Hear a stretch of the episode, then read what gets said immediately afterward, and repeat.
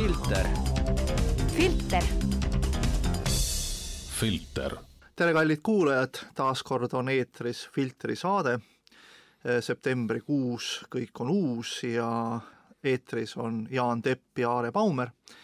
me otsustasime alustada vastavalt siis meid ümbritsevas ühiskonnas olevatele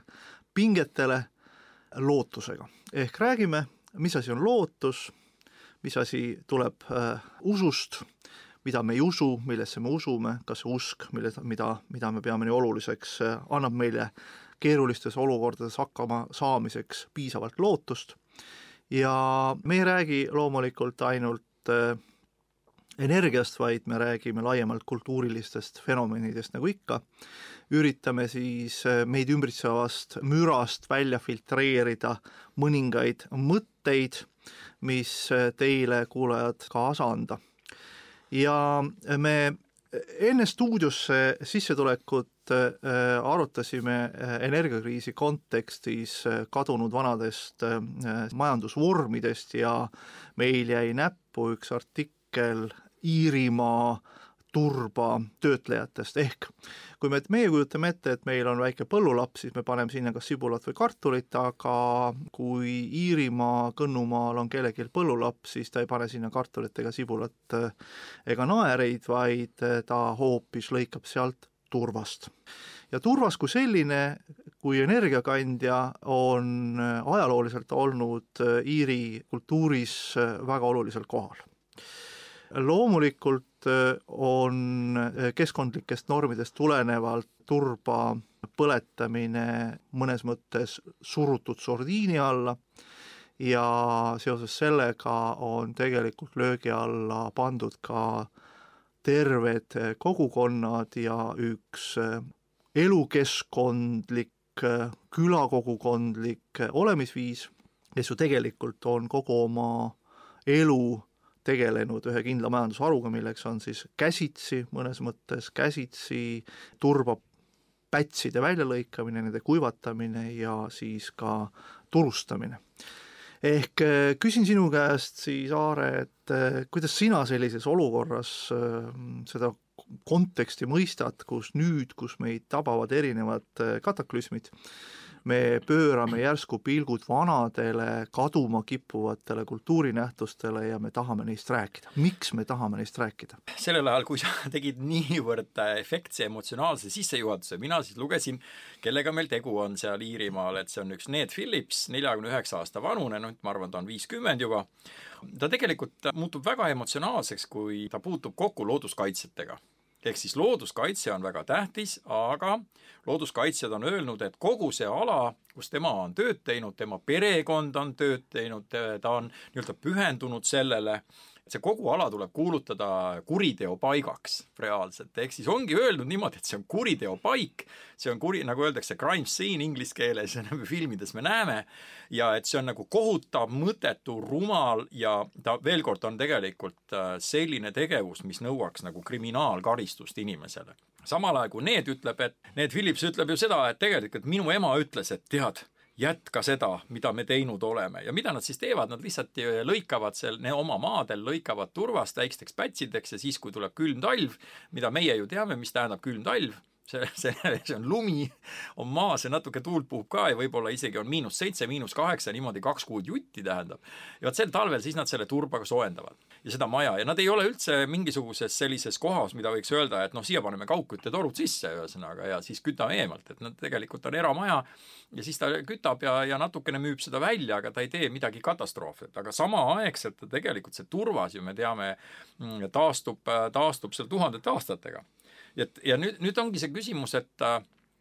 kui me võtame sellelt inimeselt selle traditsionaalse selle ära, selle, selle elu mõtte, selle tegevuse, sest ta teeb seal ka kõike muud ja ta on tegelikult ju, kui me turba ära võtaksime, siis meie mõistuses oleks ta väga madala selle rohelise jalajälje, jäljega, selle tasemega, sellepärast et ta ei hävita loodust muul moel kui ainult selle turbaga. Ülejäänud on tal lambad seal ja kõike sinna muud juurde ja ta teeb oma täiesti traditsionaalset tegevust. ehk siis sellist tegevust nagu Kihnu naised või, või Ruhnus või, või kuskil mujal Saaremaal kuskil punutakse, tehakse kõike muud, üsna eraldi elab ja aga see turvas, see turvas ei anna rahu ja nüüd, kui sa vaatad globaalses mastaabis, hakkad neid suhestama omavahel, siis, siis teda peetakse sama ohtlikuks nagu ütleme, Amazonase ürgmetsa mahasaagijat ehk siis, ehk siis me olemegi nagu sellises, no ma ei tea, kas me oleme lahendamatu probleemi ees või nagu öeldakse, nõiutud probleem.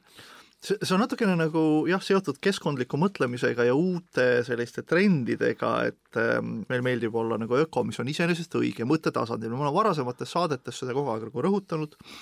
kõik hakkab pihta mõtlemisest ja hoiakutest, et kui me, kui me nii-öelda nagu ei poolda keskkondlikku mõtlemist, siis järgmine samm on see, et, et me rohkem pakime kilesse, vähem pakime paberisse ja, ja loomulikult see keskkondlik jalajälg on ju suur, eks ole, et me kuidagi ei saa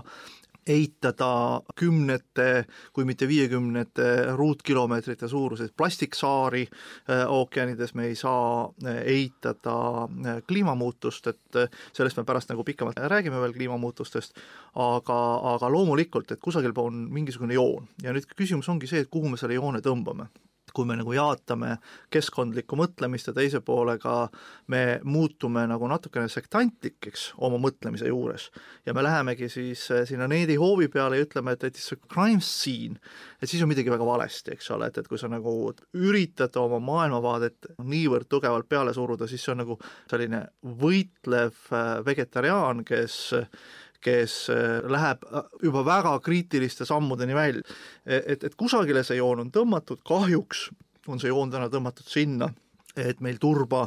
kasutamine pigem on sordiini alla surutud, äh, pigem on seda vähem kui rohkem, aga tänases sellises kliimakriisis loomulikult, et võime küsida, et, et ammu unustatud vana, et äkki me nagu toome selle uuesti nagu välja, minulgi endal, ma ise elan siis Eesti-aegses majas, millel on kelder ja kui ma päris tõsiselt arvan, siis üks viisteist aastat on mul seal seisnud üks niisugune kakskümmend viis pakki mm, briketti, briketti, oodanud jah. oma aega. sellepärast, et eh, eks täna siis, kui elu on muutunud paremaks, on ikkagi keskküte ja gaas ja elektriküte, põrandaküte, kõik see, mida kaasaegne elu kaasa toob, aga ühel hetkel, kui sa oled sellises olukorras, et sa vaatad, et, et millest sa loobud või mida sa jätad või võtad, siis tuleb ühe, üks hetk meelde aga mul on veel seal kakskümmend viis pakki briketti keldris aga tead, see on tege-, sama asi, et äh, just nagu, et kui kõht on tühi, aga meil on vana moosi veel seal. ja, ja mina võin sellest turba poolest, et kui me küll kinni ei jää sinna, aga, aga siin on üks väga huvitav pilt sellest samast äh, mehest, kellest me rääkisime ja ta ütleb, et tead, ma võitlen kuni oma surmani selle eest, et ma saaksin turvast nii-öelda tuua. aga ma ise olen äh, nimelt turbast mis teeb asja eriti lahedaks, naljakaks ja, ja selle turbaga ongi seotud ja kuna ma tean seda kõike, seda tehnoloogiat ja, ja mu ümber, kuidas öelda, minu elukoha ümber, seal, kus ma elasin kogu mu lapsepõlve ja noorpõlve, seal, selle ümber olid turvaväljad, et ma tegelikult olen mööda turvaväljasid käinud ja, ja vaata, siit tekib üks asi. Tekib üks selline minu jaoks üks niisugune arusaadav osa, et oletame, et jah, tõesti, et meil on hajaasustus ja hajaasustuses siis me kütame turbaga. no ainuke probleem, mis tegelikult globaalses mastaabis äh, hulluks ajab nii-öelda neid looduskaitsjaid, kes on tegelikult väga tublid inimesed kõik, on, on ju see, et, äh, et see suhteliselt madala temperatuuriga põletamine, sealt tekib palju tahma. ja tahm omakorda siis jõuab meil taevasse ja nüüd tekib seesama küsimus, et äh, kas seda tahma on vaja, ta on aerosool, ja nüüd tuleb üks teadlane, kes ütleb, et aerosool on väga paha ja siis sa jõuadki nagu selleni, samamoodi nagu, nagu need, vabandust, kui ma nüüd ütlen, kas Kihnu või Ruhnu hülgekütid, kellele öeldakse, et ei tohi hülget küttida enam, sellepärast et eelmisel aastal näiteks oli, oli haigus nende hulgas, neid on väga väheks jäänud ja võib juhtuda, et nad üldse kaovad ära, surevad välja. nii et, nii et vaat teades, et meil on Eestis päris palju ikkagi turvast ja meil on kuivendatud soid, näiteks minu vanaisa, kes äh, ka olude sunnil pidi olema sovhoosi direktor kolm aastat, rohkem ei pidanud tal närv vastu omal ajal. üks vanaisadest, et äh, ju nemad ju äh, väga vapralt kuivendasid soid, lootes sealt midagi saada, aga tegelikult sellel hetkel, kui oli vaja teha, siis see oli just nagu selline teeme nüüd ära midagi, teeme nüüd ruttu ära, sellepärast meil on leiba, inimestel on leiba vaja. vot see oli just see periood, et minu sündimise aeg jääb tegelikult sellesse viljakriisi, mis oli kuuekümnendate alguses ja kuuekümnendatel ja nüüd juhtubki see lugu, et, et kui kui sulle ikkagi öeldakse, et teeme nüüd ruttu ära, siis sa võtad vastu mingist populistliku otsuse. jaa, aga noh, ta ei saa vastu võtta otsust, mis viiekümne aasta peale mõjub. Mõnes mõttes ta ju ei saa, teda ei huvitagi, ta, ta on poliitik, ta peab vastu võtma, ta vastutab inimeste eest, mõnes mõttes ta ju vastutab, ta tunneb vastutust. Ja nüüd, nüüd öeldakse, et kuule, meil on kiire, meil on vaja kolme aastaga üles ehitada tuumajaam, eks ole, ja siis nii nagu Saksamaal alles hiljuti ju keegi ütles eelmisel nädalal, tähendab, üks energiaekspert ütles, et kuulge, mis mõttes te panete tuumajaamad uuesti käima et äh, praegusel hetkel äh, läheb, läheb pool aastat selleks, et neid üldse nii üles soojendada ja, ja siis on vaja vaadata kütust veel. et nii ongi, et see jutt kõik, et paneme tuumajaamad talveks käima, näitama äh, nii-öelda Vene naftale koha kätte, et see tuumajaam hakkab maikuus tööle. et see ongi nagu natukene selline kiirete otsuste ja aeglaste otsuste nagu paradoks, et ma mäletan, minu õppejõud kunagi ütles, et mitte midagi tegemine on teinekord tunduvalt raskem kui tegemine, et, et, et me kipume nagu arvama, ringi rapsimine ja paaniliselt endale elueesmärgi otsimine läbi tegevuse on, on see ainu, ainuvõimalik äh, tegevusviis.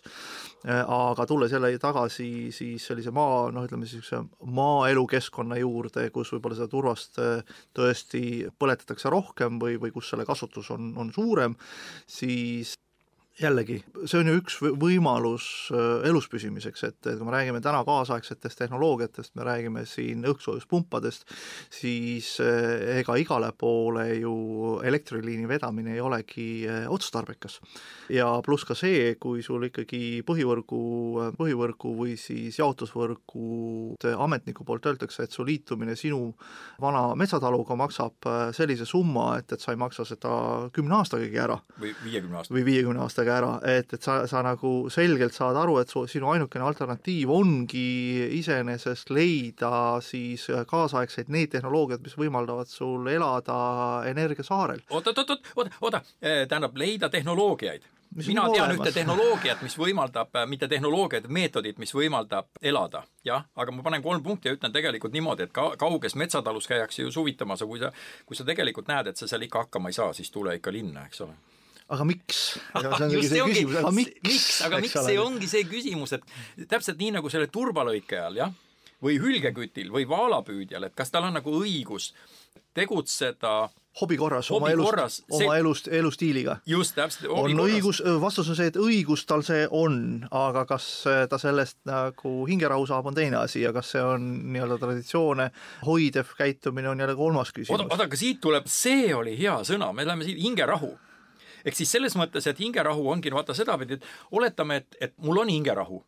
ja siis tuleb informatsioon. Näiteks kellegi kujul, kes on tegelikult väga viisakas, teeb kopp-kopp, tuleb uksest sisse, ma pakun talle teed, me istume kamina ette, kus on äh, need turbapätsikesed põlevad ja siis ta ütleb, tead, ma olen sellest organisatsioonist, sellest looduse organisatsioonist, et kaitse. vaata, nüüd on selline lugu, et globaalselt on ikka väga palju paha, sellest saab sinu põletamisest siin ja tegelikult sa peaks ennast kinni panema ära. ja siis tuleb ainukene vastus talle öelda, et ole nii hea, too mulle siia nelikümmend viis päikesepaneeli ja kolm külmakapi suurust akumulaatorit et, et siis ma saan hakkama, siis ma enam ei põleta, eks ole, ehk see ongi nagu selles suhtes riigi ülesanne, et kui sa kusagilt eh, mingi regulatsiooniga eh, väga selgelt piirad eh, mingi kogukonna traditsioone ja elustiile, olgu ta siis nagu hülgekütid või olgu ta siis tõesti need Iiri, Iiri turbalõikajad, et siis sa pead väga selgelt pakkuma nagu alternatiivi. meil tihtilugu ongi nagu see, et, et kabinetivaikuses välja mõeldud seadused on ühepoolsed, et me, me kipume kuulama seda, millised on trendid, trendid, see on mõnes mõttes paradoks, on paradoks sellest, et me peame vaatama geograafilist, oma geograafilist asukohta me oleme ühelt poolt eh, tänu jumalale eh, ikkagi nagu Euroopa kultuuriruumis täna väga selgelt ja teiselt poolt me oleme eh, sõjaka idanaabri külje all. Ja selleks, et oma turvalisust säilitada, me peame olema liidestunud väga paljude erinevate rahvusvaheliste organisatsioonidega, mida me ka oleme õnneks täna saavutanud, kui võrreldes, eks ole, kolmekümne üheksandat aastat, kui meie seotus rahvusvaheliste organisatsioonidega oli suhteliselt nagu tagasihoidlik ja, ja, ja seetõttu, et me oleme ennast liidestanud väga erinevate rahu ja, ja tasakaalu ja stabiilsust tagavate organisatsioonidega, Euroopa Liit, NATO, ÜRO, OECD, noh neid organisatsioone on päris mitmeid, mille liikmed me oleme, siis loomulikult me ei saa rääkida retoorikat, mis läheks vastuollu nendes organisatsioonides kehtiva retoorikaga. ehk teiste sõnadega, kui nendes organisatsioonides võetakse vastu mingisugune seisukoht kliimamõjude vähendamise kohta ja öeldaksegi, et, et turvas ka paraku ei ole taastuvallikas, siis me peame seda aktsepteerima. nüüd küsimus ongi, et kui me selle seisukoha aktsepteerime, siis mida me pakume asemele nendele üksikutele eh, metsataludele, kes, kellel ei ole muid variante, kui kas A lõigata metsa ja ajada seda ahju või eh, variant B lõigata turvast, ajada seda ahju briketi näol või põletada elektrit, milleks tal lihtsalt ei ole raha. ja nüüd küsimus ongi see, et kas sa istud siis pigem nagu külmas toas või sa leiad alternatiivid või otsid üles vanad kultuurilised alternatiivid.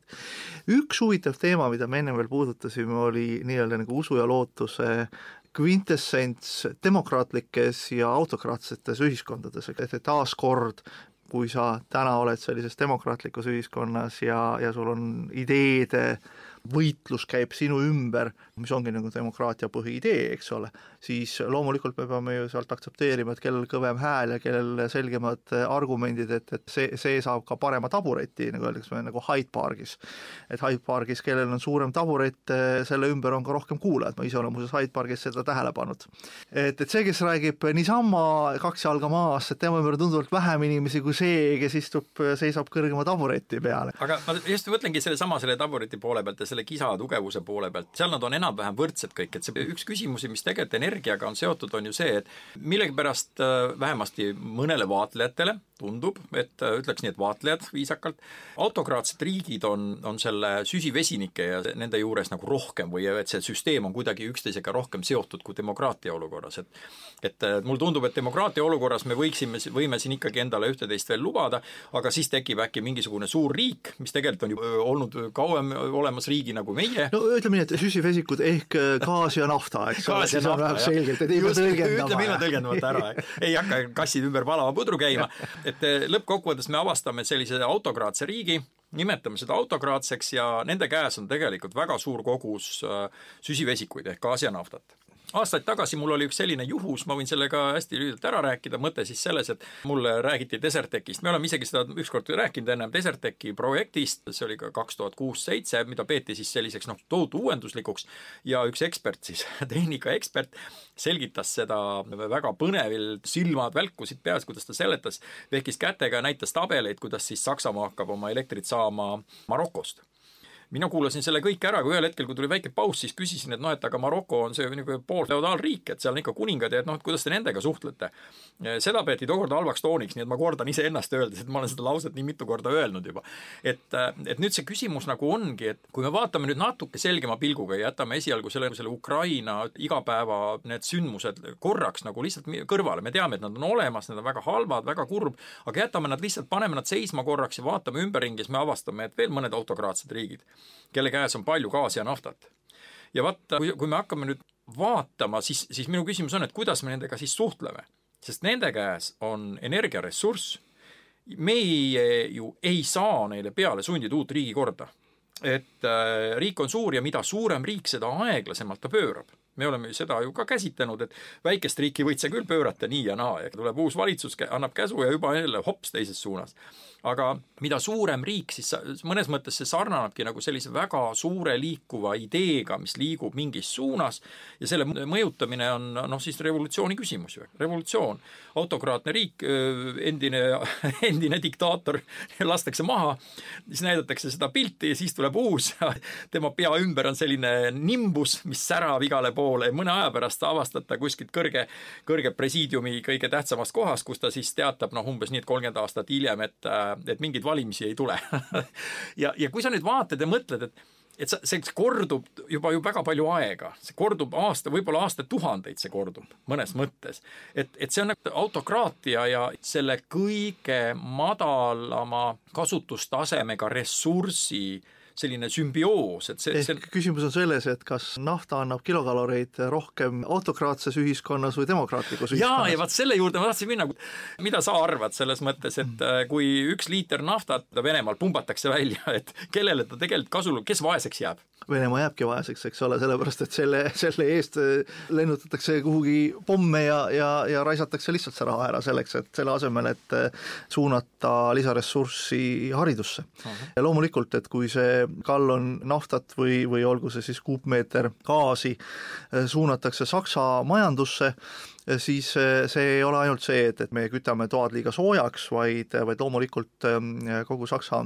Mittelstand ehk siis nii-öelda keskvöö, majanduslik keskvöö Saksamaal, mille peal kogu siis äh, suur nende majandusmasin toimib ja, ja, ja kasv on näiteks. just, et, et ja. nemad suudavad sellest ühest äh, kuupmeetrist gaasist kindlasti rohkem SKP-d tekitada kui, kui Venemaa, kes selle lihtsalt teatud, teatud hinnaga naaberriikidele maha müüb. aga siin ongi nagu see paradoks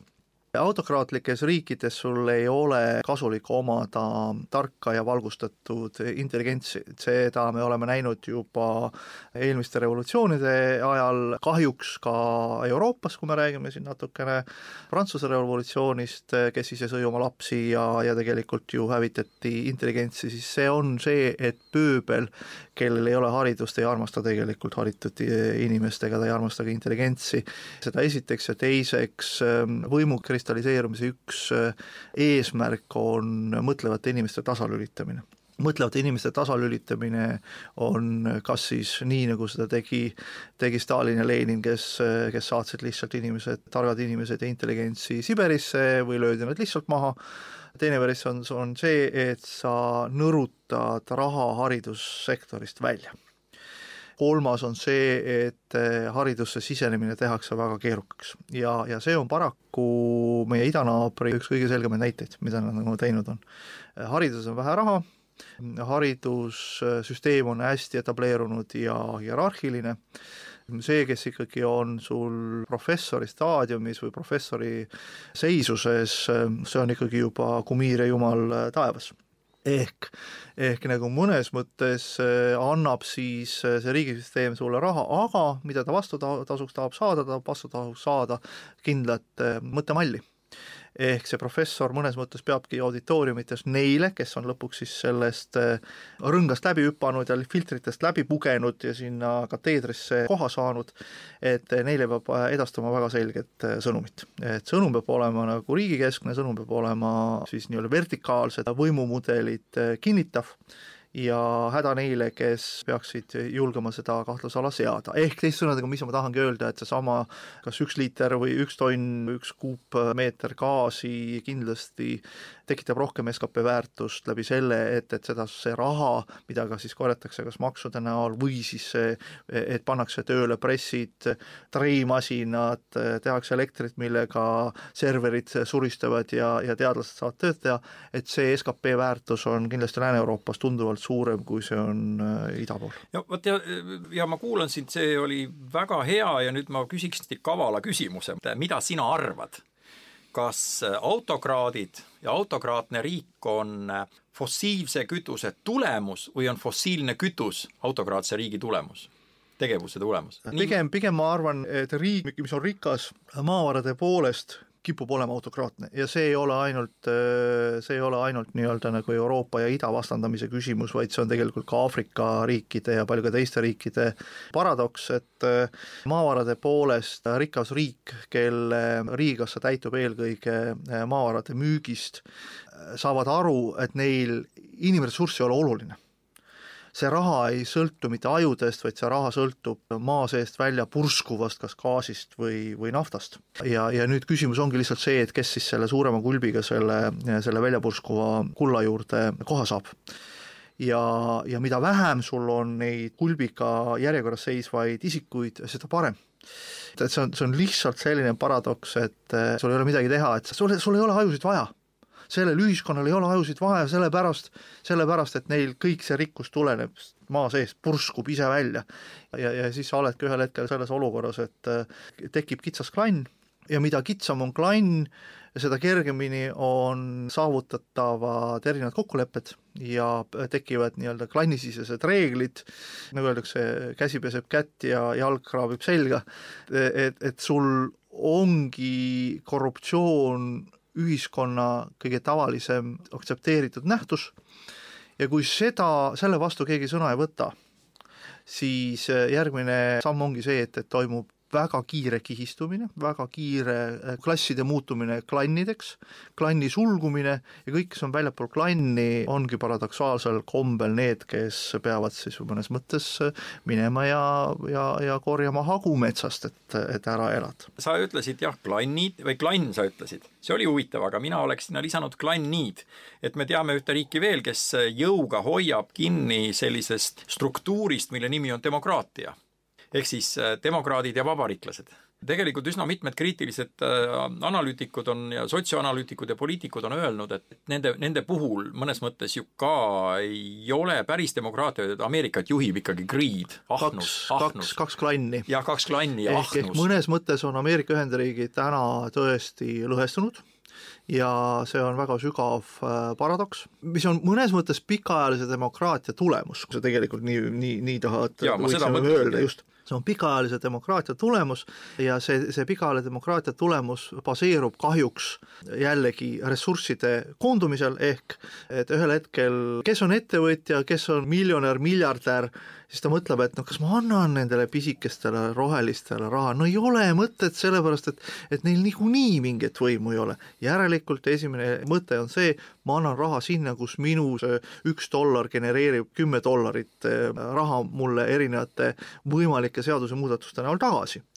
Ja, ja see protsess, noh, ongi see, et protsess ei toimu kohe, see protsess on pikaajaline, see protsess on võib-olla sada aastat või viiskümmend aastat võtab aega, no Ameerika Ühendriikides me võime rääkida rahulikult sajast aastast kuna sellised üldvalimised ja, ja ka presidendivalimised on väga kallid, mis nõuavad väga palju ressurssi, siis, siis see polariseeribki poliitilist maastikku. ehk mõnes mõttes sinu märkus on õige, Ameerika Ühendriigid on samuti nagu polariseerunud lõhki ja seal on kaks klanni, aga siiski ka klannide sees mõnes mõttes ka olgu ta siis demokraadid või olgu nad siis vabariiklased, et neil ideede võitlus siiski seal sees käib kuid loodame, väga sügavalt loodame, et Euroopas ei toimu see polariseerimine, polariseerimine nagu nii kiiresti, nagu Ameerikas on see toimunud. ja mis on nagu huvitav, et kui me ennem rääkisime siin maa seest purskuvatest maavaradest, et, et, et kas need soodustavad sellist autokraatlike riikide teket, siis ma hakkasin mõtlema, et kas Ameerika Ühendriikidel on maast purskuvaid maavarasid ja peab ütlema, et on küll nagu on ju, neil on küll naftapuurtorne, neil on Kildagaas. kildagaasi, neil on päris nii üht kui teist, eks ole, aga vaatamata sellele nad on suutnud kuidagimoodi, kuidagimoodi seda tasakaalu nagu hoida. ma arvan, et äh, inimesed, kes, äh, kes meid kuulevad, äh, osa nendest vähemasti teab ühte kauboikübaraga meest Tallase filmist ja, ja, ja et äh, millega nad Bushid ja Reaganid ei, ma mõtlen ja, et Allases just, et äh, mis ta nimi oli, J.A. või? J.R. J.R. ma olen tõesti ära unustanud. praegu tuli meelde, et, et see Texase naftaväljad, et äh, tegelikult ikkagi, et vaata mõlemal juhul, et turba kaevandajal on ka lootus. tal on lootus, et see tegevus säilib pikema aja jooksul, tema ema ütles, tee seda. nüüd J.A. sai samuti selle naftaväljad ju päranduseks ja siis ta lootis, et tema klann sest neid, klann, eks ole, nii nagu ta ütles, et klann, ma mäletan isegi, et seal oli klannist juttu, tähendab. nii palju, kui ma soome keelest aru sain, sest ma vaatasin selle Soome pealt, et siis selle J.A. ju tegelikult ka ootas ju kogu aeg, et et see tegevus kasvab, et firma toetub, et ja et ta siis, siis see süsteem, ma mõtlen ka Ameerika süsteemi puhul, ma ei ole üldse kriitiline, kui ütlen, et osa sellest rahast voolas haridusse läbi fondide. Süsteem ehitab ennast üles, katsetab kõik versioonid läbi, kuskohast midagi tekib, nimetame siis seda raha logistikaks mõnes mõttes või ressursi logistikaks, et tegelikult täiesti avanenud süsteem, aga ta ehitub niimoodi üles, et on kriitikud on poolt,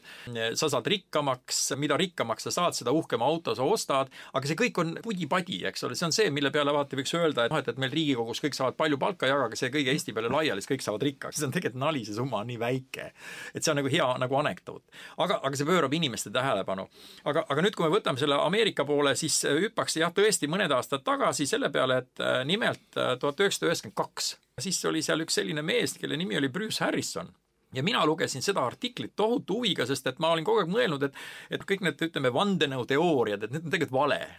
ja seal mingit vandenõud ei olnud, sest see vandenõu, vaata, see tähendab alati seda, et tulevad mingid inimesed kokku, panevad, äh, kuidas sellega ongi, lõikavad endale kätte, veri voolab, siis nad suruvad käevarred kokku ja kuidas terava maagi... teravatipuga müts on peas ja just, täpselt teevad mingeid muid riitusi ja nalju. tantsivad ja siis laulavad seal, ütleme ja ja siis, siis ütlevad, me oleme vennaskond ja nüüd me teeme nii. nüüd me teeme nii.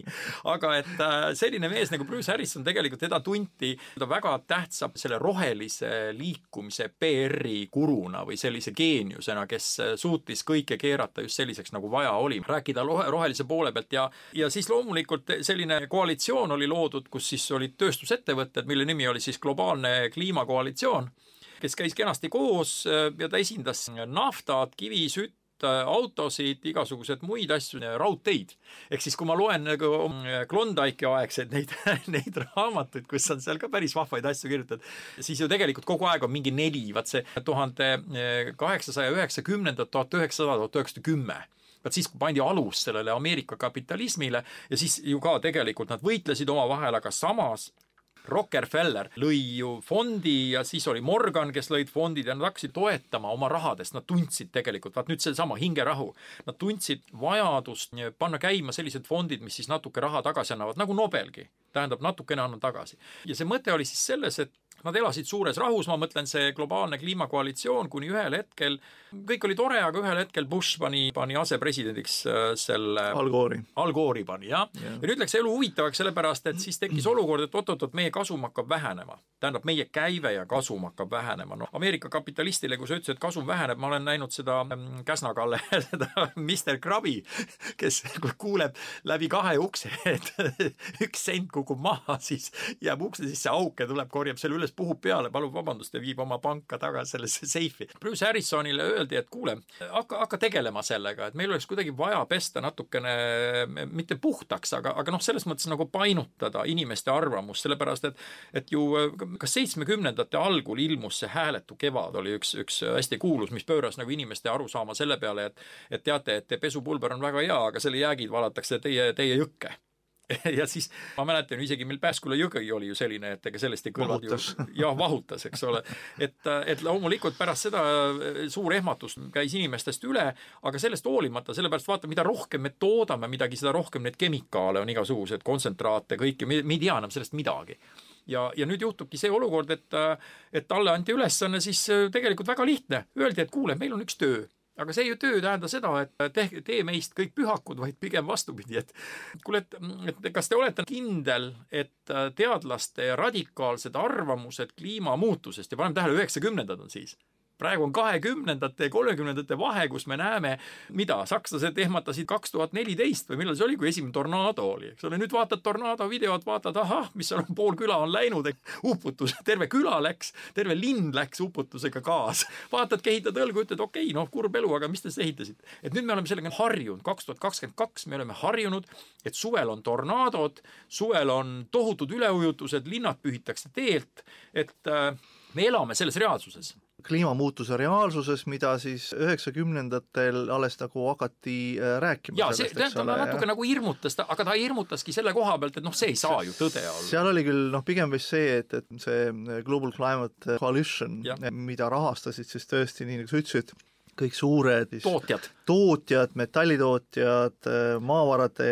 kaevandajad, et nad äh, püstitasid siis Harrisele ja tema tiimile ette sellise lähteülesande, millele ei olnud võimalik üheselt vastata. Jah,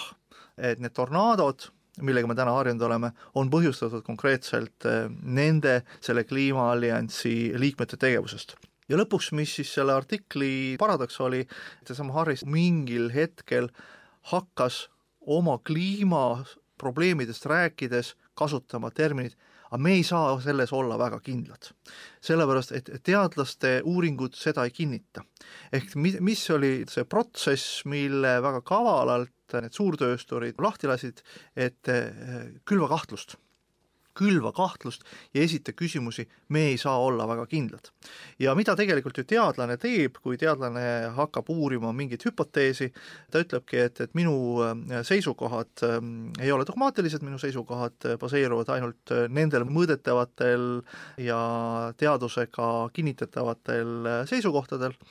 ja kui need mõõdetavad seisukohad ei kinnita hüpoteesi, siis ma nii ütlengi, et need, need, need ei kinnita seda hüpoteesi ma nüüd lisan isegi juurde siia, et nüüd ma eh, vaatasin täpsemalt järgi ja mõte siis oli säärane. ma, ma loen seda otseses mõttes maha kiire niimoodi tõlkega, et äh, kuigi üks osavõtja sellest projektist, osavõtja ütles nii, et kuigi enamus kliimateadlasi olid nõus, et äh, inimesed mõjutavad mingil moel kliimat siis teatud skeptikud ja see oli tegelikult teadlased, jah, teatud skeptikud, teadlased ütlesid, et põhimõtteliselt veel mingit alarmi ei pea välja ajama, aga lihtsalt hakkame uurima seda. ja siis töötasid nad välja plaani, et skeptikutele, et nad kirjutaksid artikleid ja neile maksti artikli eest põhimõtteliselt tuhat viissada dollarit per artikkel nüüd olukorras, kus teadlane ei, ei saa grante, no võtame näiteks meil, Eesti teadlased, ja siis tuleb keegi uksest sisse ja ütleb, et kuule, sina tegelikult oled väga hea teadlane, sa oled skeptik, sa oled väga tubli ja skeptiliselt suhtud kõigisse, mis tegelikult no, teadlane, teadlane peabki olema skeptik. ja just täpselt, teaduse kontekstis on ju see väga hea ju. et me anname sulle veel raha ka, et sa saad umbes niimoodi tuhat euri selle eest et sa, et sa võimendad oma skeptiku imagot. no tegelikult jaa, et kirjutad artikli sellest kirjutad artikli kirjutad artikli, ütled, et jaa, et tegelikult see tornaado, mis nüüd pühkis meil pool ei Kuubat saa, ära, ei saa ei kindlalt, saa kindlalt öelda, et see on põhjustatud tallase naftapuurtootmidest täpselt. ja, ja just nii see läkski ja, ja muide, kes siis sellest kinni hakkas? kinni haakis see üheksakümne teisel aastal, sellest haaraski kinni meedia, kes ju tegeleb ja võimendab neid protsesse. Siin ongi öeldud, et meedia oli näljane selle perspektiivi üle. nii kui meedia sai aru, et nüüd on võimalus panna kaks artiklit kõrvuti, ühes artiklis öeldakse, et kohe tuleb maailma lõpp, ja teises artiklis öeldakse, et äh, see on enam kui kahtlane, sellepärast et keegi on kirjutanud. ja kui sa nüüd loed kaasaegseid meediaväljaanded, siis seal on ju ongi ju need kaks pannakse kõrvuti ja ehk siis me jõuamegi sinna, et meedia tegelikult üritas inimeste mõttemaailma stabiliseerida mõnes mõttes, eks ole, et, et luua sellist äh, traditsioonist kinni hoidvat, äh, lootust andvat maailmapilti, milles inimesed on harjunud elama. me oleme kogu aeg nii elanud. järsku on tornaadod ja öeldakse, et maailma lõpp kohe tuleb, hakake punkreid ehitama, meedia tajub, et oota, aga äkki me peaksime olukorda mitte äh, skaleerima, aga dees-, deeskaleerima, et, et proovime siis nii-öelda tuua ka teise vaatepunkti, ehk see on nagu nüüd mõnes mõttes selle demokraatia nagu paradoks, et, et kui sul on eh, idee, sul on hüpotees, siis hüpotees jääb fantaasiaks seni, kuni teadlased ei ole seda oma mõõtmistega kinnitanud ja ja kuna kliima on eh, midagi, mis tegeleb sfääridega, ma lisaksin veel juurde liikuva sfääriga, siis mida on väga raske nagu mõõta. okei okay,, me saame küll mõõta tuule kiirust ja, ja, ja temperatuuri ja veetaseme kõrgust, tsunami, tormisilma tugevust, aga kui me peaksime hakkama sealt tuletama, et, et millest konkreetselt ikkagi see põhjustatud on, et siis muutuvad teadlased natukene kidakeelseks, punkt üks, punkt kaks, kui me räägime sellisest teaduslikust äh, diskursusest, äh, kui sa püstitad hüpoteesi, siis sa ei saa olla generalist, ehk sa ei saa üldistada. Sa pead olema väga kitsalt ühel konkreetsel mõõdetaval joonel, ehk sa mõõdadki konkreetselt näiteks CO2 taset nagu õhus ja sa üritad sellest midagi nagu tuletada. Ehk et, et kui me nagu vaatame kogu siis meie kliimat ja kogu seda kliimasfääri ehk liikuvaid osakesi täis, kõiki seda, seda elektrit, pinget, vett, tormi, kõik on täis ja siis on õnnetu teadlane, kes on andnud oma teadusliku vande ja ta on ütelnud, ma pean uurima ainult ühte molekuli, ma pean uurima ainult ühte molekuli, ma ei saa minna kaasa generaalplaanidega või siis selliste üldistustega, ma pean ainult rääkima sellest ühest molekulist ja tema võnkumisest selles väga kitsas ruumis. ja nüüd sul on, on, ongi see paradoks, et kui sul on üks, kaks, kolm teadlast, siis nad tõstavad käed üles, ütlevad, et aga meil on tegelikult kahtlused, meil on tegelikult kahtlused, meil ei ole teaduslikku tõepinda hinda. nüüd, nüüd mida ÜRO siis kliimapaneel on üritanud teha, on see, et nad toob siis need eh, paljud teadlased kokku ühte paneeli, et seal ei ole mitte üks-kaks teadlast, kes ütlevad, ma pean tegelema ainult ühe molekuli võnkumise ja mõõtmisega, vaid ta toob kokku viiskümmend teadlast või viissada teadlast ja püstitab, püstitab siis selle hüpoteesi, mis on jällegi nii-öelda üldine idee kliimamuutusest, mida on väga raske tõestada, ja ta ütleb, et iga teadlane nüüd paneb oma killukese, mida ta mõõdab, sellesse mosaiiki ja vaatame, kas sellest mosaiigist tuleb nüüd mingisugune kontseptsioon, mis kinnitab seda, et tegelikult kliimamuutused on olemas. ehk see on see tänane protsess, kuhu me nüüd oleme õnneks kui jõudnud. aga noh, vaata, kui palju võtavad tegelikult aega ühiskonnas mingite mõjutuste tekitamised ja, ja väidetaksegi seda, et üheksakümne seitsmenda aasta Kyoto protokolli soovituste Ameerika Ameerikas mittekasutamine oligi selle Bruce Harrisoni kompaanii teene? Ehk siis selles mõttes ta tekitas nii palju mitte segadust, vaid ta mõnes mõttes tõesti, ta ju ütles, et teadlased kõike veel ei tea ja otseselt ei ole teada. Pool Ameerika ühiskonda ütles, et, et jaa, see alarm, alarmi tekitamine, see kõik ei ole õige, meie ikka teeme samamoodi edasi, nagu me oleme teinud kogu aeg, et see ei ole päris õige. sest et mõnes mõttes, kui sa oled ikkagi suure riigi kodanik, sa tunned, et suur riik on sinu taga, no mingilgi moel ta katab sind ja haldab, muidu sa ei oleks ju kodanik ja, ja siis keegi tuleb, ütleb, et noh, et ma saan aru, et vaata, aga seal kuskil mingi üks väike saar jääb vee alla varsti. selle asemel tekib viiskümmend ruutkilomeetrit plastiksaart. et selles mõttes peetakse siis seda Bruce Harrisoni kompaniid ja PR tema tööd, seda PR-i tööd, eks ole, aktiivset tööd peetakse oluliseks, sellepärast et Ameerikas Kyoto protokolli eh, neid ei võetud. no sest ta tekitas eh, kahtlusi ja küsimärke, eks ole, just, ta tekitas kahtlusi, küsimärke, aga jällegi teistpidi tema enda, ma lugesin selle artikli ka läbi ja siis tema enda käest ka lõpus küsitakse, et kas ta oleks teinud Äh, täna midagi teistmoodi, kui ta tegi siis, siis ta ütles, et ma olin siis noor, ambitsioonikas mees ja, ja võib-olla ei näinud tervet pilti. täna ma saan aru sellistest üldprintsiipidest ja üldistest eesmärkidest, mis aitavad maailmal püsima jääda, et, et jah, võib-olla ma teeksin midagi teisiti, aga mida ma tahan ise omalt poolt nagu lisada, on see, et vaatamata sellele, et ta tekitas selliseid äh, skeptilisi jooni ja ütles, et ikka kliimamuutus ei, ei pruugi olla põhjustatud nende suurtöösturite tegevusest, ta aktiviseeris mõnes mõttes ka teise frondi, ehk ta aktiviseeriski siis äh, ÜRO kliimapaneeli ümber koonduvaid äh, teadlaseid, nad said aru, ega siis kõik on ju nähtav, eks ole, et kui üks teadlane või siis seesama, see on Global Climate Coalition, eks GCC, et kui see pidevalt tilgutab äh, ajakirjandust kahtlevaid artikleid, et ei, me ikkagi ei saa olla kindlad selles, et et orkaan Katrina oli põhjustatud äh, tallase naftaväljadest, eks ole, siis ÜRO kliimapaneeli teadlased ka saavad aru, et okei okay,, et ka meie peame ennast mobiliseerima, see on nagu mõnes mõttes selline surve ja vastusurve keskkond. et kui ühelt poolt me näeme, et kliimamuutused on sellised, et see hävitab meie äh, vara, ja see on tõesti oht äh, kliima ja kogu planeedi püsimisele. Siia ja teiselt poolt me näeme, et, et tekivad sellised kahtlust tekitavad artiklid ja küsimärgid, et oi-oi, et ikka me ei saa olla milleski kindlad, siis see aktiviseerib mõnes mõttes ka teise frondi teadlased, kes ütlevad, okei okay,, võtkem nüüd ennast kokku, võtkem ennast kokku ja vaadakem sellest ühe molekuli võnkumise piiridest kaugemale ja tehke neid üldistusi, mida meil tegelikult on vaja selleks, et poliitikud saaksid vastu võtta vajalikke otsuseid me oleme nüüd rääkinud sellisest juba nagu maailma lõpust või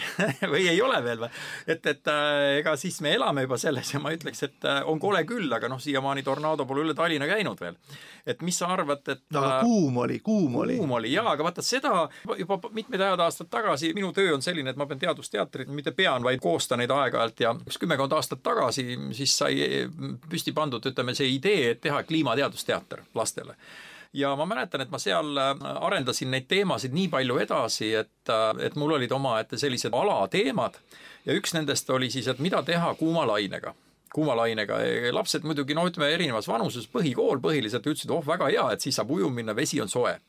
aga kui sa nüüd mõtled seda kliimamuutust tervikuna, et sul, sul on ikkagi kuskil igal aastal vähemalt üks kahenädalane periood, kui mitte rohkem, kus temperatuur väljas öösel ei lange alla kahekümne viie ja päeval tõuseb kolmekümne kuueni, siis see ei ole ju tervisele enam päris hea. Ja isegi meie laiuskraadil. Ja selliseid kuumalaineid hakkab olema rohkem ja see on, see on nüüd nagu nii-öelda statistiliselt nähtud, et see tekib, tekib niimoodi, isegi kui meil tuleb külm talv ja kõik küsivad, noh, kus see kliima soojenemine on, siis see tegelikult ei ole päris adekvaatne küsimus, sest et eh, kuuma laine puhul eh, suvel istub ta lihtsalt kuskil peidus, ütles, et miks nii palav on, eks ole, tahaks sellist no Dolomiitide, ma olin just äh, reisimas Dolomiitides, kui Dolomiitides suvel, keset suvet toimus väga suur liustiku murdumine. et ma olin, ma olin sealt wow. vist, ma arvan, viiekümne kilomeetri kaugusel. Vau, sa olid seal, see oli tohutu õnnetus ju tegelikult. ja, ja ma olin umbes viiekümne kilomeetri kauguselt sealt, kui see õnnetus nagu juhtus ja, ja, ja, ja tegelikult ma jälgisin ka uudiseid, ehm, ikkagi see on otseselt, on ka liiga kuumade suvede tagajärg. ja käisin ka Chamonix olin siis praktiliselt eh, Mont Blancist umbes, Mont Blanci tipust praktiliselt mingi kilomeetri kaugusel ja kõik siis need eh, siis turismigrupi eh, liikmed vaatasid seda suurt Mont Blanci liustikku ja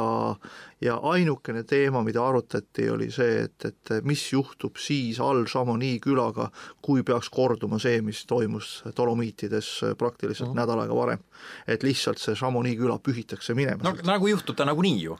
see on tegelikult, kui me nüüd räägime nagu noh, siin turvalises Euroopas ja räägime kliimamuutustest, siis see on, on väga selge nähtav, nähtav märk. teine väga selge nähtav märk on, mida sattus mulle kätte üks artikkel,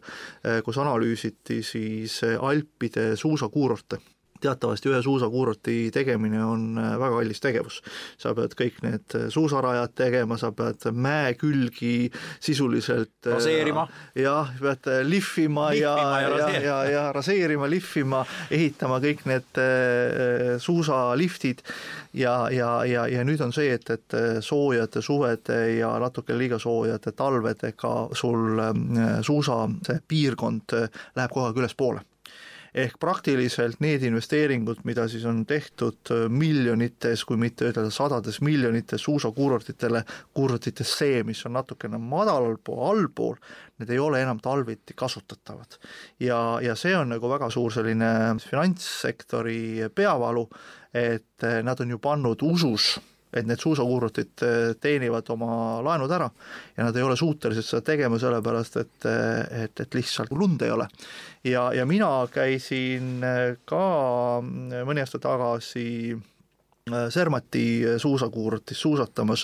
mis on iseenesest üks kõrgemaid Alpides suusakuurorte. aga mis on nagu huvitav, on see, et, et suusakuurort koosnebki ülemisest ja alumisest osast see üleval oli kõik nagu tore ja siis hakkad sinna alla minema ja siis sa näed, kuidas kõik need kohvikud ja baarid, mis on allpool, on kõik kinni pannud, oma uksed. sellepärast ja siis me suusad, sa näed, suusad jäävad kinni, sa oled juba vedelas pudrus ja sul ümberringi on igal pool on sul siis nii-öelda eh, investeeringud on tehtud lootuses, et see tegelikult see lumi seal püsib, aga tegelikult seda lund seal enam ei olnud. kuule, oot, oot, stopp, stopp, ma võtsingi sul sõnast kinni praegu on tehtud lootuses ja usus no,. sa muide kasutasid oma tekstis selliseid sõnu. absoluutselt teadlikult. ja, ja usus ja lootuses, et tähendab, tehti investeering. usus ja lootuses loomulikult oli seal panga esindaja ka juures, ma arvan kui nii investeeringut tehti. kuidas meil ikkagi sellega, tähendab usu, usu ja lootuse vahekord on, et meil on usk, et elu läheb edasi ja maailma lõppu ei saabu, aga meil on lootus, et, et investeeritud raha toob mingil moel kasumit ja võimaldab ära elada. ja, ja see ongi majanduse jahtumise paradoks, et see usk kipub sealt kaduma, et meie kliimamuutused ja majanduskeskkonna muutused on niivõrd kiired, et pangad enam ei tea, et kas need klassikalised äriplaanid, mida nad on harjunud rahastama, toovad neile lõpuks selle intressi ja, ja, ja põhilaenu maksed tagasi või mitte. kui pank hakkab kahtlema, siis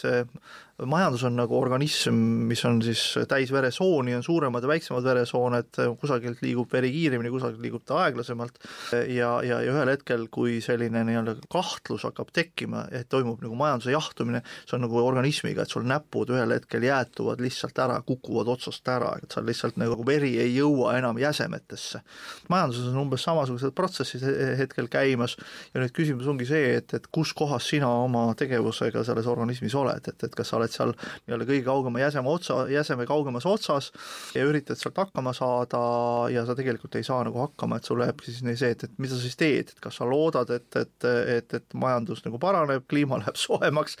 jäsemed või külmemaks või sa, või, või, või saad riigist abi, kes ütleb, et pane nüüd soojad sokid jalga, eks ole, näed, siin on sul soojad sokid ja paned omal külmetavate varvaste otsa. et, et, et mõnes mõttes jah, see usu ja lootuse küsimus on väga selgelt seotud majandusega ja majandusloogikaga. Vahvalt sa võtsid usu ja lootuse küsimus seotud majandusega, aga majandus, need on pangad. et usu lootuse küsimus on seotud siis nagu pangandusega. demokraatlikus ühiskonnas küll jah, ütleme, kui me ei räägi eh, klanniühiskonnast, eks ole, kui me räägime klanniühiskonnast ja räägime sellisest autoritaarsest ühiskonnast, siis seal Batjuška otsustab, kes saab soojad sokid ja kes ei saa soojad sokid. et kui me räägime demokraatlikust ühiskonnast, siis eh, noh, ütleme nii, et kapital ikkagi on kas perekondlik kapital, mis sa oled suutnud koguda, teine versioon on ikkagi see, kui sul on hea mõte, hea äriplaan, et sa lähed panka, ütled, et ma tahan nüüd sellega tegeleda ja, ja sa sellega tegeled ja pank annab sulle selle raha, aga nüüd ühel hetkel, kui sa oled harjunud kogu aeg lõikama turvast ja seda müüma ühel hetkel ühe, tuleb sul nii-öelda see kahtlev Harris ütleb, et, et ei, ei, et, et ikkagi vist see turba lõikamine on ikka kahtlane tegevus, eks ole. ja, ja pank ütleb, et kuule, ma vist ikkagi ei anna sul turba lõikamise masina jaoks laenu, et, et äh, võta ikka nüüd siis see labidas ja mine lõika nagu käe, käsitsi. ja siis ongi see, et, et sul on, on siis tegelikult vaja seda sooja kinnast või sooja sokki investeeringu näol, et sa saaksid selle masina, et seda oma, oma, oma töö siis elustiili jätkata. ja kui sul seda ei ole, siis, siis ongi see, et siis jäävad kõik külad, nii nagu meil Eestis on, meil külad jäävad tühjaks, inimesed voolavad Tallinnasse, siin, kus see veri liigub kiiremini. ma tean ühte, ma arvan teadvat ühte küla, kes äh, ülgepüügilt, kuidas ma sulle isegi ütlen, ülgepüügilt ja, ja siis äh, kampsuni ja kinda kudumiselt muutub ähm, elektrikute, mehaanikute külaks Liivi lahes. para, paratamatu, et ega siin teha midagi ei ole, et sa peadki ühel hetkel vaatama, kus ikkagi see, see, see nire äh, tuleb ja, ja kas sa suudad selle nire endale suunata või ei suuda. ja Kihnu ja Ruhnu, ma saan aru, neil on traditsioonid seal, aga Liivi tuulepargiga seoses äh, on suur tõenäosus, et äh, nad saavad endale Eesti ühe kõige tasuvama tööotsa, kusjuures nad asuvad töökoha keskel peaaegu, mis tähendab seda, et see on siis nagu, kuidas öelda, jalgupidi moosi sees. jah, see on, nimetatakse klasterdumiseks, majandussektorite klasterdumine ja sellest on väga palju erinevaid kontseptsioone ju ka kirjutatud, sarnane tõmbub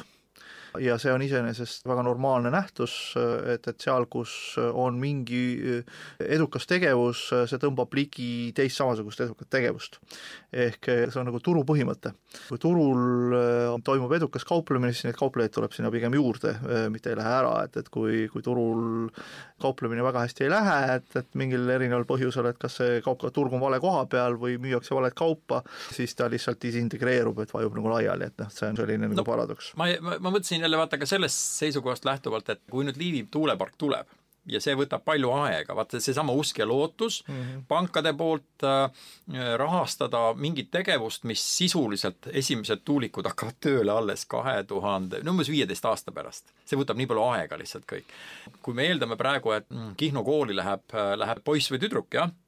ja ta on teises klassis, nüüd paneme talle viisteist aastat otsa ta on selles eas, kus, kus ta ütleme, paari aasta pärast, pärast siis seda viieteistkümneks saamist või ütleme, kooli lõpetamist, on, on edukas ähm, kas insener, edukas insener ja haldab tuuleparki ja sõidab helikopteriga ringi, ta elab muide tema õue peal, ma tõsiselt räägin tulevikuvisiooni, tema õue peal Kihnus, tema maja ees on helikopteri maandumisplats ja kogu Eesti vaatab suu ammuli pealt. Aga absoluutselt, aga see nüüd sõltub ka tema vanematest ja tema enda nagu teadlikkusest, et eh, kas ta läheb ülikooli õppima etnograafiat ja hülgepüüki või ta lähebki õppima tehnilisi alasid ja läheb, eh, õpib elektriinseneriks või siis osavaks mehaanikuks.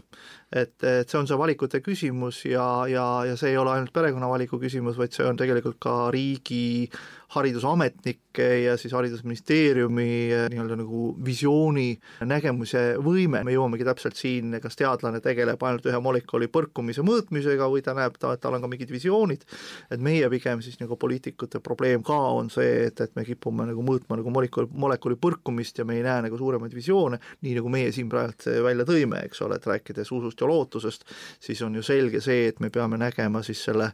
nii-öelda pisiküsimuse kõrval ka suuri kontseptsioone ja suuri muutuseid tervikuna ühiskonnas ja, ja nägema, kuhu meie ühiskond liigub ja vastavalt siis ka liikuma, olgu see siis eh, liigume linna või liigume Kihnu, leiame kusagilt riiklikud eh, villased sokid või, või siis külmetame. aga vot selle sõna tähendusega ongi selline, mida sina arvad, et kumb on nagu all, allpool ja vundamendiks, kas usk või lootus ja kumb on natuke ülevalpool või nad on tegelikult tähenduselt võrdsed, et sa, sa oled selle usk on ikka ennem ja lootus lootus on tähendab, ja aga enne, kas tähendab nagu vundament selles mõttes? usk on ikka vundament jah, et, et sa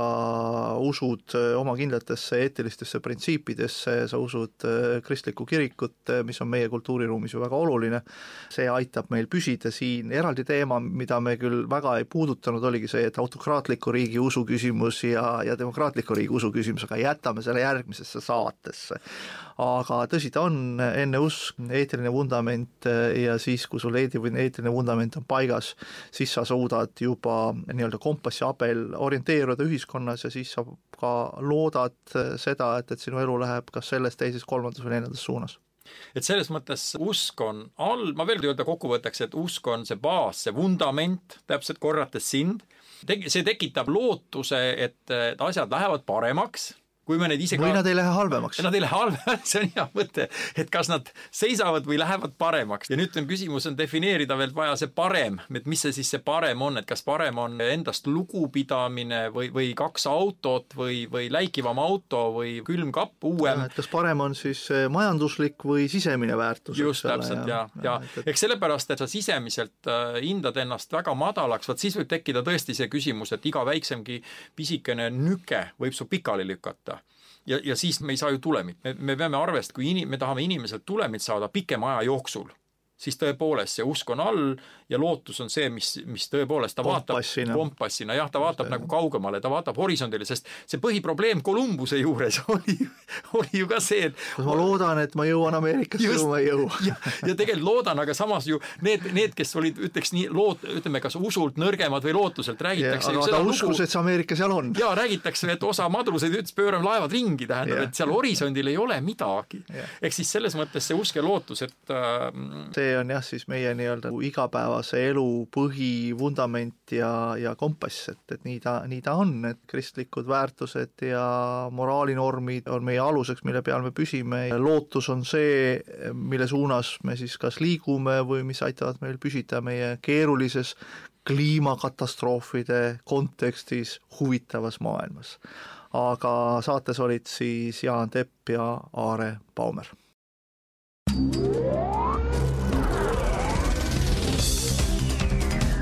filter. filter. filter